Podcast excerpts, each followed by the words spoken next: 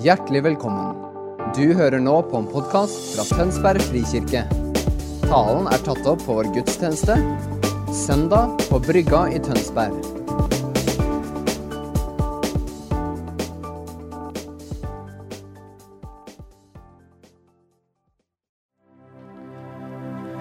Hellige Ånd, vi takker deg for at du er den som har overvunnet absolutt alt.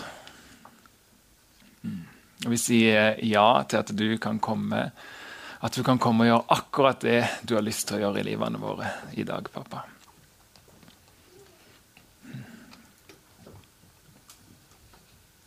Vi takker deg, Jesus, for at du du er til stede her og nå, du som skapte verden, og du som skal gjenopprette og fullføre alt. Du er her i dette øyeblikket, pappa.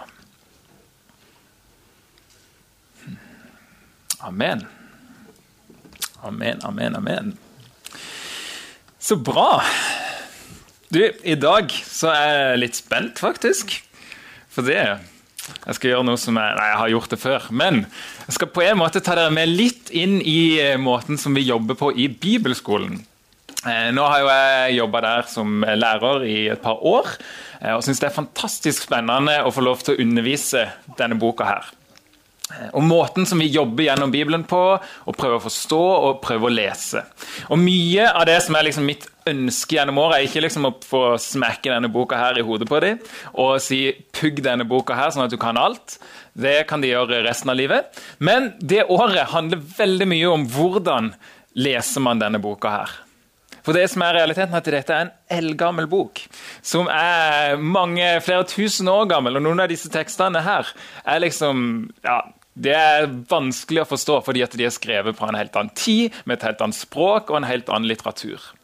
Så Ønsket mitt er liksom å lære dem å lese Bibelen. Hvordan skrev forfatterne, og hvordan skal vi lese det? Og hvordan kan vi forstå det? Hvordan har det noe å si for oss? Så det vi skal gjøre i dag, er rett og slett at jeg skal være med på en sånn superrask reise gjennom noen av de tekstene. Så det blir veldig mye tekst i dag. Så hvis ikke du er glad i tekst, så eh, er ikke dette gudstjenesten for deg. Men hvis du er glad i å lese litt, så kommer det til å bli veldig spennende. Jeg kommer til å få det opp eh, på skjermen, det meste av det. Good. Da tror jeg bare vi hopper inn. Vi har Skriv din historie. Det er liksom eh, det vi holder på med dette semesteret og forrige semester. er liksom headlinen for hva vi driver med. Vi kjente at Gud inviterte oss til et tema som handler om at det er Gud som skriver sin historie. Her kommer første spørsmål. Jeg tenkte, Hvilken bedre måte å begynne på enn dette spørsmålet her? Vi skal snakke masse om synd i dag, og ondskap, og vrede og blod. Eh, og da tenkte jeg dette spørsmålet her er jo noe som, som dere liker, stort sett. er det ikke? Har du synd i livet ditt? Kan ikke dere sitte og kjenne litt på det? Tygge litt på det og kjenne hmm, Var dette et godt spørsmål, eller var dette et vondt spørsmål? Det er derfor jeg la inn litt forskjellig farge på det. Ser dere at det blinker? Ja, der. Det er litt forskjellig farge, fordi at dette spørsmålet her, det skaper utrolig mange forskjellige respons i salen her. Når noen leser det, så er det sånn Jeg vil løpe ut, jeg vil ikke på dette møtet her. Kommer til å bli fordømt, kommer til å gå hjem med skam og kommer til å legge meg og ha det dårlig. Mens noen kjenner bare Yes! Gud, kom og konvikt meg på hva enn du vil. Her er jeg for deg. Eh, og så har vi hele spekteret innimellom. Og hvis du er en av de som kjenner litt sånn Au det var litt vondt med det, så er dette møtet for deg. Hvis du liksom kjenner bare 'yes', så er det på en måte Da kan du ta fri, holdt jeg på å si. Det er ikke så farlig. Men jeg har lyst til å snakke en del om synd. Hva er egentlig det? Hvordan skal vi forholde oss til det? Hva gjør vi i møte med det? Synd. Jeg tenkte Vi kjører på med maks røde bokstaver siden vi begynner med synd. og Vi skal liksom maksimere denne vonde følelsen i begynnelsen, sånn at vi kan kjenne litt på hva er det egentlig dette handler om. Da går vi inn i teksten. Første gang som ordet synd blir brukt i Bibelen. Nå kommer det litt sånn bibeltime. For å forstå et bibelsk ord, så er et triks Eller det er ikke et triks, det er liksom en måte som man forstår det på, er at man går til første gang det ordet blir brukt i Bibelen. Og Første gang ordet synd blir brukt i Bibelen, det er i Første Mosebok, kapittel 4. Og Det er i historien Kain, om Kain og Abel. Da har Adam og Eva vært der i hagen. De har spist litt frukt av treet, gikk dårlig, kasta ut av hagen. Eh, og så finner vi den teksten. Da leser jeg. Da det var gått en tid, hendte det at Kain bar fram for Herren et offer av åkerens grøde. Også Abel bar fram et offer av de førstefødte dyrene fra småfe og av fettet på dem. Herren så med velvilje på Abel og offeret hans, men på Kain og hans offer så han ikke med velvilje. Da ble Kain brennende harm og så ned. Se for deg at Kain er dritsur. Gud har tatt imot offeret til han andre, og nå er han skikkelig, skikkelig sur. Herren sa da til Kain, 'Hvorfor er du sur? Hvorfor er du harm? Og hvorfor ser du ned?' Akkurat som at Gud ikke visste det. Da Hvis dette er neste vers, da. Hvis du vil gjøre det gode, kan du se opp, men hvis du vil gjøre det gode, ligger synden klar ved døren. Den ønsker makt over deg, men du skal herske over den. Her ser dere et fantastisk sånn tegneseriebilde som på en måte prøver å illustrere hva det egentlig som skjer. Det er et litt sånn rart bilde, og nå må vi tenke at dette er en 4000 år gammel pluss pluss sikkert tekst som vi leser. Da er det ikke sånn veldig lett for oss med vårt moderne tankesett å komme å, jeg vet hva synd betyr, for det har vi hatt om på nyhetene. liksom, eller det, det, definerte de forrige uke. Vi må se hva er det denne teksten sier om synd. Og Første gang ordet synd blir brukt, så blir det beskrevet som et dyr. Det er det dyret her da, som det står synd på, som ligger utenfor døra og har lyst til å spise eller kontrollere Kain. Det står hvis du vil gjøre det gode, kan du se opp, men hvis du vil gjøre det Nei, hvis du vil gjøre det gode, kan du se opp, men hvis du vil gjøre det gode Det står feil der. Hvis du ikke vil, ja. Det er bra dere følger med. Veldig bra. Ligger synden klar ved døren. Så poenget er, Det er litt rart på norsk, men hvis jeg leser det på engelsk, det står under der If you do what is right, will you not be accepted? But if you do not do what is right, sin is crouching at your door. It desires to have you, but you must master it. Så han sier at Det er akkurat som at det er en slavedriver. Dette dyret har lyst til å kontrollere deg, og det ligger klar ved døra di. Da er det ikke sånn at eh, hver gang det er en dør, så ligger det dyret der som fysisk dør. Men da må vi tenke, ok, hva betyr dør? Jo, dør betyr at det er liksom til stede. Vær egentlig overalt. Jeg går inn og ut av døra, inn til huset mitt. Jeg bruker døra utrolig mye. Den ligger klar hele tida og har lyst til å kontrollere meg. Så når synd blir brukt, så er det et dyr som har lyst til å styre meg. Og så sier han egentlig her at eh, men du skal herske over det. Så utgangspunktet for synd er at det er dyr som egentlig er var satt til å herske over. Litt tidligere så sier Gud til Adam og Eva skal man si, at dere skal liksom fylle jorda, bli mange. Og så gir han oss forvalterskap over dyrene. Så egentlig skal vi styre over dyrene, men det som skjer er at slangen kom inn, nå kommer synd inn, og så er det et dyr som plutselig begynner å styre over oss. Make sense? Så fortsetter vi. Siden sa Kain til sin bror, la oss gå ut på marken. Og mens de var ute på marken, gikk Kain løs på sin bror Abel og drepte ham. Da sa Herren til Kain, hvor er din bror Abel? Han svarte, jeg vet ikke. Er jeg min brors vokter? Da sa Herren, hva har du gjort? Din brors blod roper til meg fra jorden. Forbannet er du. Nå skal du være bannlyst fra den jorden som du åpnet munnen og tok imot din brors blod fra din hånd. Når du dyrker åkeren, skal den ikke lenger gi deg av sin rikdom. Fredløs og flyktning skal du være på jorden. Ja, Kjipt, da. For Kain. Går på en smell, dreper rett og slett broren. Husker dere i begynnelsen? Vi var sagt til å bli mange, til å multiplisere oss og bli mange. Og her skjer akkurat det motsatte av det vi var skapt til å gjøre. Istedenfor at de blir mange, så begynner de å redusere hverandre. Nå vet vi jo ikke helt hvor mange det var på jorda på den tida, men sannsynligvis ikke sånn supermange. Men så begynner Kain liksom å drepe istedenfor å gi liv. Så han bommer totalt på det han var skapt til å gjøre som menneske.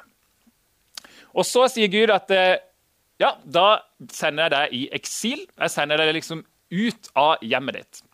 Det kommer tilbake til etterpå. Din brors blod roper til meg fra jorden. Det er jo en litt sånn random, rar setning for oss. Moderne, Hva betyr all verden? Hva handler det om? At det, Gud sier at det blodet til Abel. Han har drept Abel. Abel sitt blod ligger på bakken, og det roper opp tydeligvis til Gud. da. Dette er jo bildebruk, og det er jo sånne rare bilder. Men poenget her er at jeg tok litt blod, og så skrev jeg rettferdighet. For det som skjer, er at dette blodet det skriker ut. Rettferdighet! Dette er ikke rett, dette er feil. Dette, du var skapt til å gi liv, ikke til å ta liv. Så dette roper opp til Gud. Så skal vi til Egypt. Er dere klare for Egypt? Ja, Bra, for dette blir veldig bra i Egypt. Da er vi kommet til andre Mosebok. Er dere klare for å lese litt mer? Det er bra. Nå er vi eh, på slutten av Josef sin historie og brødrene, og de har kommet til Egypt. Israelsfolket er nå i Egypt. Og så står det Så døde Josef og alle brødrene hans og hele dette slektsleddet.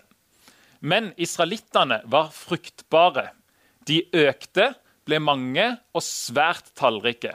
Hele landet ble fulgt av dem. Da skal det minne oss om første Mosebok nå tok jeg det opp her, sånn at det skal se tydelig sammenhengen. Når vi leser de ordene der, så er det sånn, skal det gå en bjelle i oss. Oi, tallrike, fruktbare, de fyller jorda. Pling! Det var det de sa i første Mosebok til Adam og Eva. Så Når vi leser disse tekstene, så er det sånn at forfatteren hinter hele veien tilbake til andre tekster. Og da, hvis vi ser her, Det er første Mosebok 1.28. så står det, der Når Gud skaper Adam og Eva, så står det Gud velsignet dem og sa til dem Vær fruktbare og bli mange, fyll jorden og legg den under dere. Dere skal råde over fisken i havet, over fuglene under himmelen, over alle dyr som det kryr av på jorden. Her ser dere mennesker ble satt til å råde over dyra, til å bli fruktbare og fylle jorda. Nå leser vi denne teksten her i begynnelsen av andre Mosebok, at det er akkurat det som skjer med Israel. Så det er jo egentlig ganske good. Det høres ganske bra ut. Så fortsetter vi. Det sto fram en ny konge i Egypt en som ikke visste om Josef. Han sa til folket sitt.: Se, israelsfolket er blitt for stort og tallrikt for oss. Kom, la oss gå klokt til verks mot dem, så det ikke blir enda flere. For blir det krig, slår de seg kanskje sammen med fiendene våre, kjemper mot oss og drar fra landet. De satte så oppsynsmenn over israelittene for å plage dem med tvangsarbeid kjipt. Ikke sant? Endelig går det bra med israelsfolket. Det ser ut som at nå er vi good, de blir fruktbare, de blir mange, de fyller jorda. Og så er de i Egypt, og så er kongen, sjefen der, liksom, han finner ut at dette er ikke bra. Her kommer farao opp. Det som er litt interessant, er at farao er ikke et navn, men det er en tittel på en konge. Det er mange farao i den perioden som vi leser om i andre Mosebok. Hvis jeg leser der, så er det liksom en periode hvor det kommer forskjellige faraoer. Så det er en tittel. Og da kan vi spørre oss selv, liksom, men hvorfor bruker på en måte de bibelske forfatterne de bruker Moses sitt navn, men de bruker ikke navnet på faraoen? Der bruker de bare en tittel på eller kongen. Hvorfor er det sånn? Og da kan vi tenke at Noe av poenget med det er for å illustrere at farao er på en måte dette dyret Husker dere dyret som lå foran døra, som er klart til å herske over dere? Det som skjer nå, er at vi har en situasjon hvor israelsfolket er i Egypt. Og vi har en farao, altså et dyr, synd, ondskap, som blir på en måte representert med farao, som hersker over israelsfolket. Henger dere med på den sammenhengen? Eh, og Det veldig tydelig, kommer veldig tydelig fram i teksten når vi ser eh, at han sto fram, han er konge, og han hersker over de, styrer de, legger tvangsarbeid på dem. Så Guds prosjekt står det der. Og jeg har tatt med et eh, vers fra første Mosebok 12. Jeg kan lese det. Herren sa til Abraham, dra bort fra landet ditt, fra slekten din og fra farshuset til det landet som jeg skal vise deg. Jeg vil gjøre deg til et stort folk, jeg vil velsigne deg og gjøre navnet ditt stort. Du skal bli til velsignelse. Igjen, Det er liksom tidligere i fortellinga. Og så kommer vi til slutten nå i Egypt. og da, det som skjer er at eh, Israelsfolket er i landet, men de skal egentlig være til velsignelse for farao. Men når farao ser dem, så ser han dem som en utfordring. Så han prøver å drepe dem. De som egentlig var ment til å være en velsignelse, er plutselig blitt noe som truen, som han prøver å fjerne. Og Da kan vi ta et sånn lite stopp. Jeg må ha noen sånn stopp. Vi kan ikke bare ha Bibel. Men Ett stopp er at noen ganger i livene våre så tror jeg det er sånn at vi kommer til et punkt hvor det som egentlig er ment å være en velsignelse til oss, blir noe som vi prøver å dempe, og som vi må fjerne. og som vi prøver å jeg kan ikke ta dette imot. Jeg er redd for at dette skal ta over, for at dette skal ødelegge meg. Sammenligning, klassisk eksempel. Jeg ser noen som har en gave som er sterkere enn meg, eller som er bedre enn meg på noe. Og så tenker jeg oi, dette er en, dette er en utfordring. Dette, jeg må dempe det, jeg må fjerne det, jeg må få det bort. Egentlig så var den personen satt til å være en velsignelse til deg, hvis du hadde sett det. Men når vi ser det med farao sine øyne, så ser vi det som noe som skal prøve å ødelegge landet vårt eller oss. Ut av slavehuset. Eh, kort tilbake igjen til den forrige. Jeg må si én ting til. Eh, Guds prosjekt det begynte Abraham fikk disse løftene om å være en velsignelse. Abraham og hans slekt skulle være det. Men vi ser ikke det løftet oppfylt faktisk før Jesus kommer og sier nå har jeg oppfylt loven og profetene. Abraham fikk en visjon som gikk sannsynligvis flere tusen år utover hans livstid. Poenget her, Gud har et prosjekt, han begynner i skapelsen, og så har han et poeng med at en dag så skal jeg gjenopprette og fullføre det, hvor synd og død ikke lenger skal være på jorda og råde. Og Da er spørsmålet ok, Abraham hadde én rolle i dette prosjektet. Og så kan vi tenke, hvis min visjon for mitt liv Hvis jeg tenker at alle de profetiske ordene som jeg lever for, eller alle drømmene som jeg har Hvis jeg tenker at det bare handler om mitt liv, så bommer jeg fullstendig på Gud og være med på det som Gud gjør.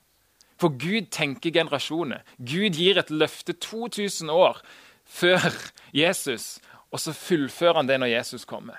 Og For meg så har det vært viktig i denne tida her å si ok, Gud, jeg er med på ditt prosjekt. Kanskje de drømmene jeg har, at barne, barne, barnebarna mine kommer til å se det oppfylt. Men jeg skal se så mye som mulig av det i min livstid. Alt som er mulig, skal jeg få tak i. Samtidig som jeg innser at jeg er bare en brikke, jeg er en del av Guds prosjekt, av det som han holder på med, som han en dag kommer til å fullføre. Og Det er jo Moses sin virkelighet. Moses får et kall til å lede et folk ut av slaveri. Men han ser aldri at de kommer inn i det landet de skal inn i. Han ser aldri at de kommer inn i det lovede landet. Han kommer aldri inn sjøl. Men det skjer, og han har en superviktig rolle. Men det er Gud tenker generasjoner. Vi ser, Det er jo sånn bibeltips. Se på slektstavlene hele veien hvordan Gud på en måte peker på at ok, se hva jeg har gjort gjennom slekt etter slekt etter slekt. etter slekt etter slekt. Begynnelsen av Lukasevangeliet, hvor du nevner opp disse slektstavlene. Hvor Gud på en måte sier se, jeg er historiens Gud som skriver min historie med deres liv. Gud, da ut av slavehuset. Da er vi i 2. Mosebok 3,7. Herren sa, 'Jeg har satt, sett mitt folks nød i Egypt og har hørt skrikene deres under slavedriverne. Jeg kjenner deres smerte. Jeg har sett og hørt. Hvis dere har lest åpenbaringsboka, så ser dere det veldig mye. Jeg har sett, du ser noe, og du hører noe. Det var sånn åpenbaringsboktips. Um, og det handler noe om at Gud her har sett nøden, og han har hørt det. Og hvordan er det i våre liv? når vi møter synd og ondskap? Er det sånn at jeg vet at eh, Gud, du ser og du hører meg? Eller er Gud blitt min motstander? Noen ganger, hvis man er i nød eller i, i synd eller møter dette villdyret hvor du føler deg kontrollert eller du er underlagt noe av ondskap, da kan du enten tenke OK, Gud, din dust, liksom. Hvorfor skjer dette med meg? og så blir man sur og vred på Gud. Spørsmålet da er, når vi ser på teksten og når vi ser hvordan er det Gud responderer på ondskap, så responderer han med å si Eivind, jeg ser deg, og jeg hører deg, jeg bryr meg om deg, og jeg er til stede, og jeg ønsker å fri deg ut. Og For meg så det, så har jeg funnet ut at okay, jeg ønsker ikke å jobbe med noe i mitt liv som jeg først ikke har kommet til en forståelse av at Gud har omsorg for. Som vil si at eh, jeg, Hvis jeg for ser meg selv ah, i dag var jeg skikkelig utålmodig, Så kommer jeg hjem og så bare tenker jeg på den situasjonen. Jeg var bare enormt utålmodig og kjenner meg skam og kjenner bare den sleivete kommentaren der var dust. Eh, og da kan jeg liksom sitte og kjenne bare sånn Har du synd i livet ditt, Eivind? Ja! Skjønner? Så sitter jeg der med synden. Eh, styrt av noe annet enn det jeg egentlig vil være styrt av. Og da kan jeg sitte der og tenke åh, neste gang skal jeg bli mer tålmodig, jeg skal fikse meg sjøl, jeg skal liksom bli flinkere. Gud, hjelp meg til å bli tålmodig. Eller så kan jeg gjøre det som jeg har begynt å gjøre nå, hvor jeg sier Gud, åh, nå har jeg det vondt. Det er vondt å være utålmodig. Det er vondt å ikke kunne være tålmodig i denne situasjonen. Det er ikke behagelig å leve i synd. Det gjør noe med meg som er vondt, og ødelegger livet mitt. Jeg ønsker ikke å ha det sånn. Gud, du ser min smerte akkurat nå, du hører min smerte akkurat nå, og du ønsker å fri meg ut av dette. Ikke fordi at jeg bare ønsker å bli fri fra synd, men fordi du ønsker å se meg satt fri. Skjønner dere forskjellen? Så jeg vil ikke gjøre noen ting før jeg vet at Gud har omsorg for meg. Det er en mye mye bedre plass å leve ut ifra. Og da kommer vi til dette her. Jeg har sett mitt folks nød i Egypt og har hørt skrikene deres under slavedriverne. Husker dere jeg snakka om blod i stad? Nå har jeg gjort det veldig lett da, for å forstå sammenhengen. Jeg har tatt litt blod der og akkurat samme rettferdighetsskrik. Det som skjer nå, er at det, det er dette som skjer. Synden er på ferde igjen. Verden, israelsfolket, det er samme skriket, ropet, som roper ut. Rettferdighet! Vi er i slaveri. Dyret har makt. Det er ikke sånn det er ment å være. Her må det skje en forskjell. Og Det er det samme skriket som kommer opp til Gud. Og Da er det ment igjen da, at vi skal se disse koblingene. At vi skal koble Oi, nå er det et skrik som går fra jorda opp til Gud. Det er farao. Ja, det er Kain. Det er det samme blodet som skriker opp. Det er ment at vi skal liksom prøve å koble disse tingene. Det er veldig spennende synes jeg da, når vi begynner å se de koblingene.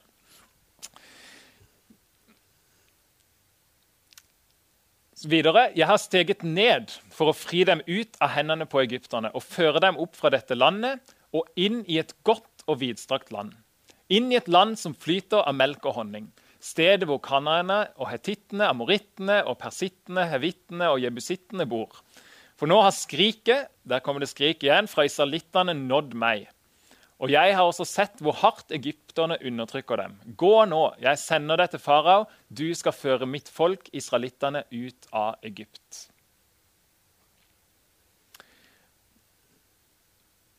Her ser dere. Det er inn i Guds hus.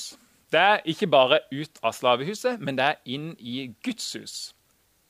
kommer det litt flere sånne bilder, men Poenget her er at ikke Gud bare kommer og bare ja, Gud, nå skal jeg sette deg fri fra slavedriverne. liksom. Men poenget hele veien er at nei, jeg skal ta dere inn i mitt hus. Jeg skal ta dere inn i mitt land, det stedet som flyter av melk og honning, hvor det er fruktbarhet, hvor det er eden, hvor vi får lov til å leve dette livet vi var skapt til. Så han tar oss ut av noe, ikke bare for å ta oss ut, men for å ta oss inn i noe, for at vi skal leve et liv en annen plass. To byer og to hus. Nå kommer det liksom, eh, dette har hjulpet meg ganske mye når jeg liksom leser Bibelen og når jeg forstår disse sammenhengene. Først så ser dere her. Det er Eden, og så peker det på fjell, tempel. Poenget her da, er at disse bildene henger sammen. Det bildet Eden, det begynner med Eden, og så ser vi at Eden utvikler seg til å bli omtalt som et fjell. Eden, den hagen, sannsynligvis var på en topp, var på en liten topp. Det rant elver ned. Og så ser vi senere at Guds hus og Guds nærvær blir beskrevet som et fjell. Det er der Gud Mount Zion eller Hermon og alle disse stedene her. Så ser vi at det blir omtalt som tempel. Og så ser vi at det blir omtalt igjen som det lovede land. at det skal henge sammen. Ok, Nå kommer vi inn i Guds tempel, vi kommer tilbake til Eden, inn i Kanan, inn i det lovede land. Og så kommer det, bildet, nye bildet på det Jerusalem, som er stedet hvor tempelet er. Og På slutten av boka, i åpenbaringsboka så ser vi at Jerusalem kommer ned fra himmelen. Og Poenget da er at det er en ny himmel og en ny jord, og at Guds nå kommer denne virkeligheten her, som alle disse ordene her peker på, blir nå vår virkelighet på jorda. Hvor Gud sitt tempel fyller hele jorda. Guds nærvær fyller hele jorda. Og Så har du det motsatte bildet, som er eksil, ødemark, Babel, Egypt. Alle disse her peker og spiller på hverandre er veldig tydelig gjennom hele Bibelen. Det er Eksil det er første bildet vi har på at du er i Eden, og du blir sendt ut av Eden. Da er du plutselig i slavehuset. Da er du plutselig der dyret sammen med dyret, og det er dyret som styrer over deg. Eksil betyr egentlig bare at du er utenfor hjemmet ditt. Og det sier noe om ok, Alt av dette her handler om at jeg er utenfor hjemmet mitt. Ødemarka blir bildet videre, der det ikke er vann. Babel blir første liksom, maksbilde på byen.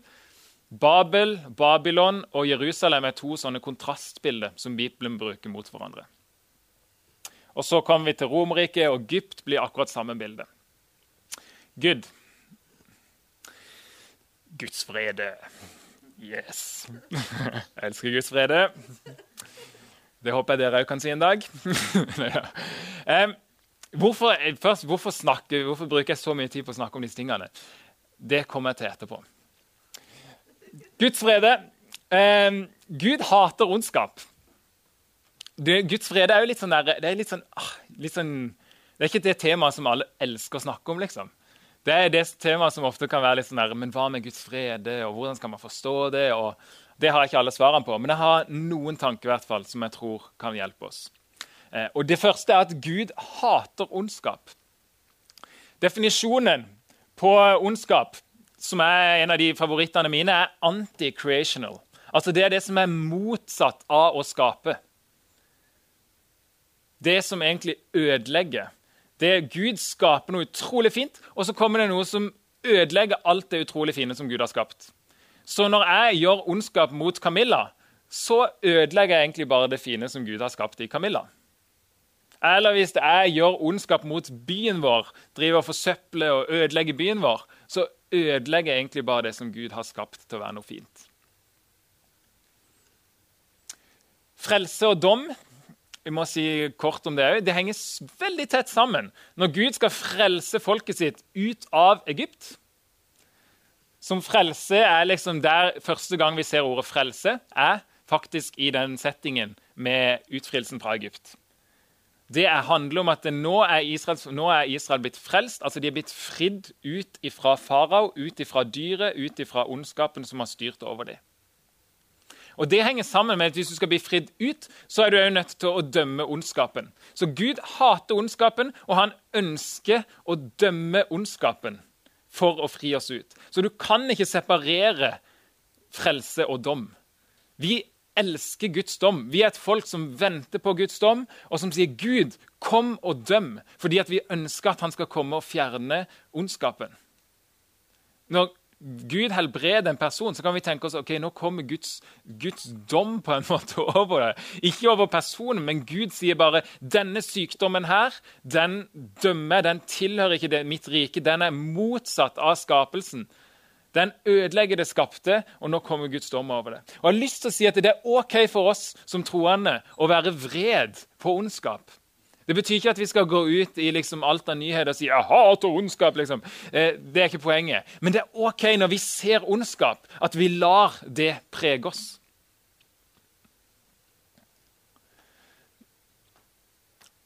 Guds vrede og dom, det hører sammen. Nå kommer liksom giffen. Men nei Jo, han Ja, nei. Hakke litt. Men det, dere ser poenget. Han tar av seg noen briller, tar på seg noen nye briller. Nå kommer vi til hva dette egentlig betyr for oss. da. Endelig. Ikke bare masse ord.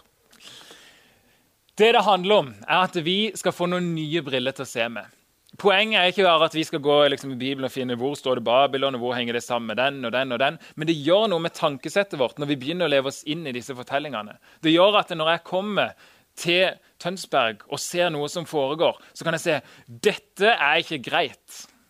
Her ser jeg Abels blod skrike ut rettferdighet. Dette er ikke bra. Det gjør at jeg kan skille mellom denne byen her, det er en Jerusalem-by, men denne byen her, det er en Babylon-by. Det gjør at jeg kan se at her er en farao, og her er en Kristus. Og så er ikke poenget at vi skal regnmale. Det er ingen som er Kristus, og det er ingen som er perfekt farao. Her er vi alle et blanda bilde og sted Ingen av oss er perfekte. Men poenget er at vi kan se hva er det som er synd, hva er det som leder til død, og hva er det som er liv å bygge opp. Og Hvis ikke vi har de brillene og klarer å se det i våre egne liv, så er vi forført. Og Hele poenget med, at eh, med ondskap er at ondskapen sitt vesen er at det, du ser ikke at det er ondskap.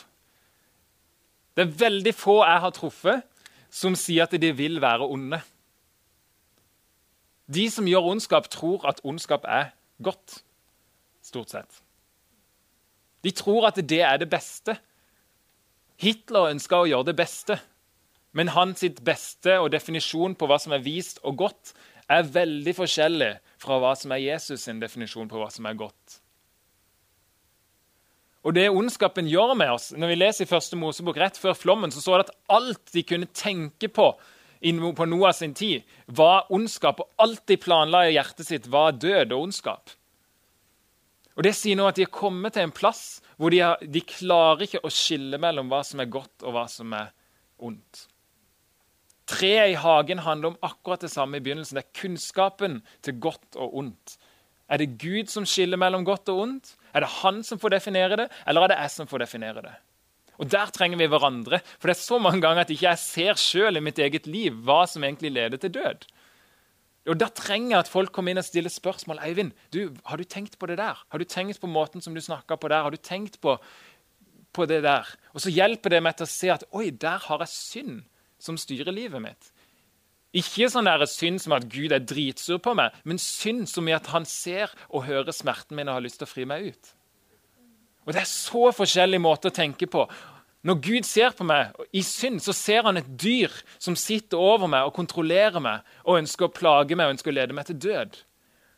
Han sitter ikke med en liste i himmelen og sier 'Å, synd, dust, du skal dømmes og er vred på deg'. Men han sitter der og ser det dyret som kontrollerer meg, som styrer meg, og så sier han, 'Eivind, jeg har lyst til å gi deg innsikt, så du kan skille, og så du kan se at dette er ikke godt for deg.' Vi trenger hans briller. Her, Red Light District, det skriker ut rettferdighet. Fattigdom, samme det roper ut rettferdighet. Hver gang vi ser det, det er veldig sånn tydelige eksempler på hva som er død. Men når vi ser de tingene, så er det bra at det gjør noe med oss. Det er bra at vi kjenner at det river opp inni oss at det bare er rettferdighet.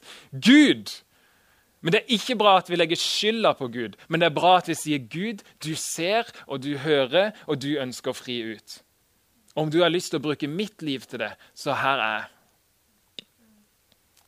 Ja, Der ser jeg det er en pistol som ligger der. Så er tanken at det skal være vold, men det ser ikke dere.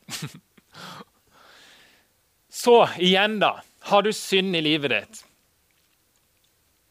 Skjønner dere at det er mulig å tenke, og det kan treffe oss på så forskjellige plasser, dette spørsmålet her. Og dette handler om teologi. Det handler om å forstå hva betyr disse ordene. Det handler om å få en helhetlig forståelse av hva, hvordan tenker Gud, hvem er han, og hvordan henger dette sammen. Og Hvis man ikke har god, sunn teologi, så ender man opp med masse skam og fordømmelse og dårlige frukter. Et bedre spørsmål er bare for å liksom skrive det på en annen måte som kanskje er mer forståelig. Er, er, det et område av livet ditt som Gud ønsker å gå sammen med deg inn i frihet på? Eller kanskje enda bedre Er det et område i fellesskapet som Gud ønsker å gå sammen med oss inn i frihet på? Problemet med synd er jo ikke bare at det ødelegger mitt liv.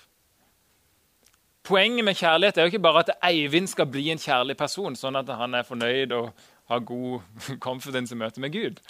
Poenget med kjærlighet er jo at Gud ønsker et fellesskap. Når det står at kjærligheten er tålmodig, så kommer jeg med en veldig sånn individualistisk tanke at ok, jeg må bli mer tålmodig, for det er kjærligheten, og da blir jeg mer lik Jesus. Og det er superbra. Vi skal gå den individuelle veien. Men det handler mye mer om å si ok, Gud, når han sier at et fellesskap fungerer, så sier han at dette fellesskapet her, det er et tålmodig fellesskap. Så Man kan enten komme individualistisk inn, eller man kan komme med en kollektiv tanke i møte med Bibelen. Og Det samme gjelder med synd. Det er ikke bare én person som er undertrykt av dette dyret, men det er et helt folk som ligger under dette dyret farao.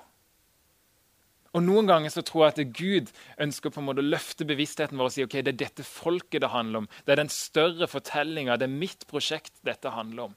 Hvordan kan vi få en visjon som er mye mye større enn bare mitt individualistiske liv, men som ser helheten i fortellinga? Fri i kaos. Er det mulig? Romerne 8.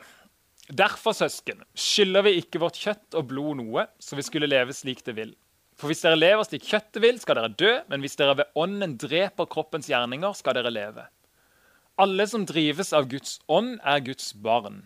Dere har ikke fått den ånden som slavene har, så dere igjen skulle være redde. Nei, dere har fått den ånden som gir rett til å være Guds barn, den som gjør at vi roper 'Abba, far'. Ånden selv vitner sammen med vår ånd om at vi er Guds barn. Jeg skal ikke kommentere den sånn supermye, men det jeg har lyst til å si, ser dere bildene her? Hvordan fortellinga i Egypt ligger i bakgrunnen her til Paulus i Roman 8. Vi er ikke slave i Egypt lenger. Vi er ikke slave under synden. Vi er ikke slave under dyret som går helt tilbake til Kain og Abel. Det styrer ikke oss lenger. Men vi har fått en ny ånd, en ny pust, noe nytt som styrer oss.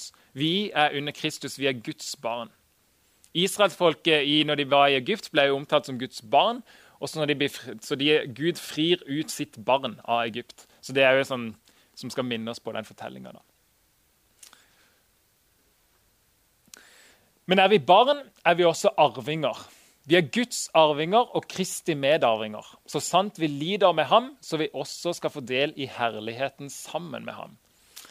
Nå begynner det å bli komplisert. Men vi må eh, ha det litt, litt komplisert på slutten. Er ikke komplisert, men det er bare litt mer sånn for oss til å tenke litt. da. Hva er egentlig frihet for noe? Går det an å være fri og samtidig være i kaos? Vi er Guds arvinger og Kristi medarvinger så sant vi lider med Han. Arven handler om det lovede land. Israelsfolket hadde en arv som de skulle få i eie det lovede land, som dere husker den der lange rekka i stad, som peker på Eden og tempelet og Guds rike og himmel og jord sammen. Så Gud sier at liksom, dette er arven deres. Det kommer til å skje en dag. Og så sier han samtidig at det er noe lidelse der. Var Jesus fri på korset, er liksom spørsmålet da. Når han ble drept eller ga sitt liv, avhengig av hvordan du ser det, var han fri i det øyeblikket?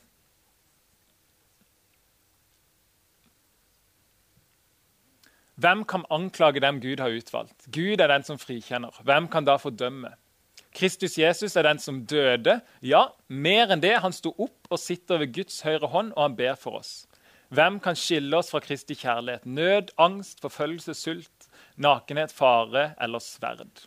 Så sier jeg til at Kristus døde. Han døde på korset, men han ble ikke overvunnet, for han sto opp igjen. Så seieren vår igjen da må zoomes ut for at vi skal forstå dette, helheten i dette bildet med slaveri og med frihet. Vi kan ikke senke at dette handler bare om dette livet her. Da faller vi til kort. Vi er nødt til å se ok, det er en seier som er en oppstandelse som kommer en dag. Dette er fortsettelsen. da. Som det står skrevet Dette er drastiske ord, altså. Nå quoter han GT. For din skyld drepes vi dagen lang. Vi regnes som slaktesauer. Sånn, føler du deg som en slaktesau noen gang? Og at du blir drept dagen lang? Men i alt dette, altså i det at jeg blir drept dagen lang på en måte, og blir regna som en slaktesau, det er bildebruk, det skjønner dere, men i dette her så vinner vi mer enn seier ved Ham som elsket oss. For jeg er viss på at verken død eller liv, verken engler eller krefter, verken det som nå er eller det som kommer, eller noen makt, Verken det som er i det høye eller i det dype, eller noen annen skapning skal kunne skille oss fra Guds kjærlighet i Kristus Jesus, vår Herre. Så han sier at det er ingen verdens ting, ikke død, kan skille meg, fordi at Kristus har stått opp, fordi han har overvunnet døden. Døden er det ultimate dyret, og Kristus har overvunnet det dyret. Da nærmer vi oss slutten. Oppstandelsen som jeg sa, det er vår ultimate seier. Og noen av oss sliter med sykdom, med depresjon og med ting. Og det, det som er utfordrende for oss noen ganger, er at det, folk som sliter med sykdom som vi kanskje har bedt for, om det er kreft, dør faktisk. Selv om vi har bedt. Og Vi ønsker det ikke, og vi ber om helbredelse, men det skjer at de dør. Og vi ser ikke alltid at folk blir friske, og vi ser ikke alltid at fattigdom blir utrydda av et område. Og det skjer masse død. Synden styrer og hersker så mye på denne jorda. Og da er Det spørsmål, det er to måter som jeg har lyst til å på en måte lande i nå, som vi kan møte dette på. Og Det første er at vi må lande i oppstandelsen. Det at kreft tar et liv, betyr ikke at kreft har overvunnet Gud. Det at eh, romerne tok Jesus sitt liv, betyr ikke at Jesus ble overvunnet Romerriket. Oppstandelsen er vårt håp. Oppstandelsen vår er det som vi venter på, og det er den ultimate, endelige seieren som vi kan feire, uavhengig av hvordan det går i dette livet. Og Vi er nødt til å ha med det perspektivet, ellers så blir vi bitre og irriterte og forstår ikke hva Gud holder på med. Og Når vi ser da gjennom Bibelen, så ser vi at sorg har en kjempesentral rolle. Det er flere bøker i denne boka og kapitlet her som handler om sorg. Hva gjør man i møte med død? Hva gjør man i møte med undertrykkelse? Hva gjør vi når synden regjerer? Jo, sorg, en sunn tilnærming til sorg, er hvordan vi møter det. Og det er hvordan Gud møter det. Gud sørger til og med gjennom denne boka her. Han løfter fram utholdenhet. Vi trenger ikke utholdenhet hvis alt er perfekt. Det er ingen av oss som hadde trengt utholdenhet. Men han sier hvis alt hadde vært Gud. Men Gud løfter fram utholdenhet og tålmodighet som åndens frukter. Han sier at når ånden er virksom i oss, så kan vi stå midt i kaos og være utholdende og tålmodige. Fordi ånden har skapt det i oss. Vi kan stå i det spennet. I tro, i utholdenhet, i tålmodighet, i sorg og vi kan stå der med hele Guds fylde og Guds nærvær. Så mens vi venter på Kristus Dette er Paulus sine ord i 2. Korinterne. De siste versene vi skal leve, lese. Så det er veldig bra jobba i dag. Bra lest. Vi så ingen utvei til å berge livet. Nå skriver han til menigheten sin men regnet oss alt som dødsdømt. Så her har du Paulus. Han er bare, han er nedfor. Han var i en situasjon. Han så ingen utvei. Han trodde han var død. Ja, død er kanskje ikke det vi bruker mest. Men for vi skulle ikke stole på oss selv, men på Gud, som oppreiser de døde. Han reddet oss fra den visse død, og han skal gjøre det igjen. Til ham har vi satt vårt håp, og han skal redde oss på ny. Lovsangen kan komme opp. Um, Ser dere hva han gjør her? Det er utrolig bra, det Paulus gjør her. Sammenfatter det vi har snakka om. Han sier jeg var underlagt død, dyr, synd hadde kontroll over meg, det styrte meg. Jeg var dødsdømt. Og så sier han at jeg stolte på Gud, på oppstandelsen. Selv om han hadde tatt livet mitt, så har Kristus seira. Men det som skjer, er faktisk at Gud kommer og frir han ut ifra døden i dette livet her. Så han sammenkobler. På ene sida sier han oppstandelsen er mitt ultimate håp. Og han skal gjøre det igjen. Han kommer og skal reise meg opp fra de døde. Men han har allerede begynt å gjøre det her og nå. Jeg var dødsdømt. Jeg hadde ingenting håp. Om det var kreft eller sannsynligvis var det ikke kreft, han var i fengsel sannsynligvis. Men uansett hva det var, da, så var han dødsdømt. Men Kristus har kommet inn her og nå og fridd han ut. Og så sier han samtidig er det sant at oppstandelsen min er det ultimate håp. Så om de hadde tatt livet mitt, så hadde de ikke tatt livet mitt. Om de hadde tatt det, så har jeg fortsatt seira, og så har Kristus seira.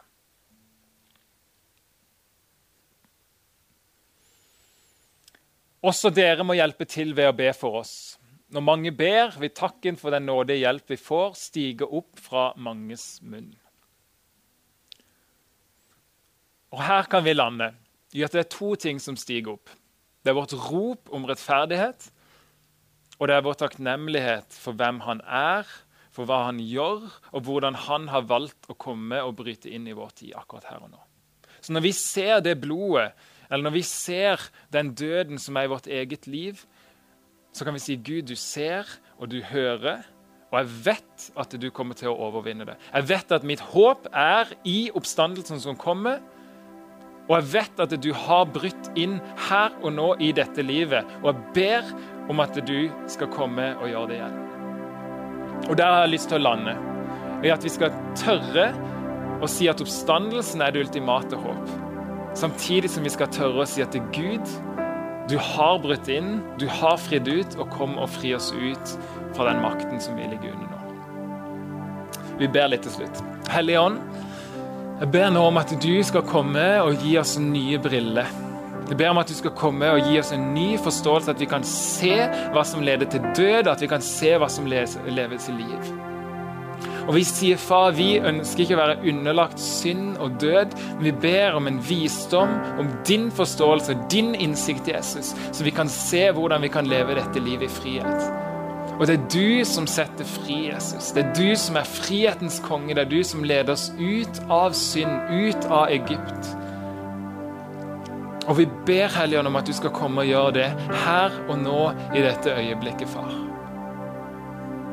Jeg ber om at du skal komme til noen av oss som kanskje har slitt med noe i lang tid. Jeg ber om at du skal gi dem tillatelse til å sørge, far. At du skal komme, Helligånd, og skape utholdenhet og tålmodighet. Og Samtidig så ber vi om at du som er kongenes konge, skal komme med mirakler, med tegn og under, og fri oss ut ifra det dyret her og nå i dette øyeblikket, far. Jeg ber for de som har vært syke i lang tid, at vi skal se gjennombrudd på det her og nå, far. Vi taler ut over sykdom, over død. Vi taler til allergier. At det skal bli helbreda i ditt navn, Jesus. Du som er frihetens konge.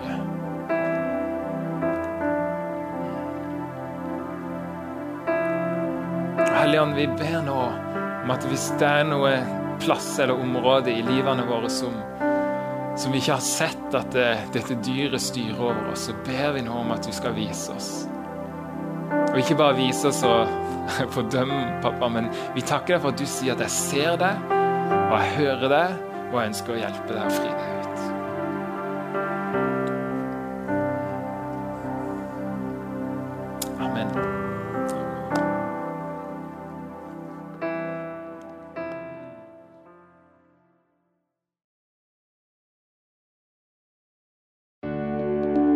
Takk for at du hørte på vår podkast. Har du spørsmål eller ønsker du å vite mer? Søk oss på vår nettside tonsbergfrikirke.no. Du er også velkommen til kirke på Brygga i Tønsberg.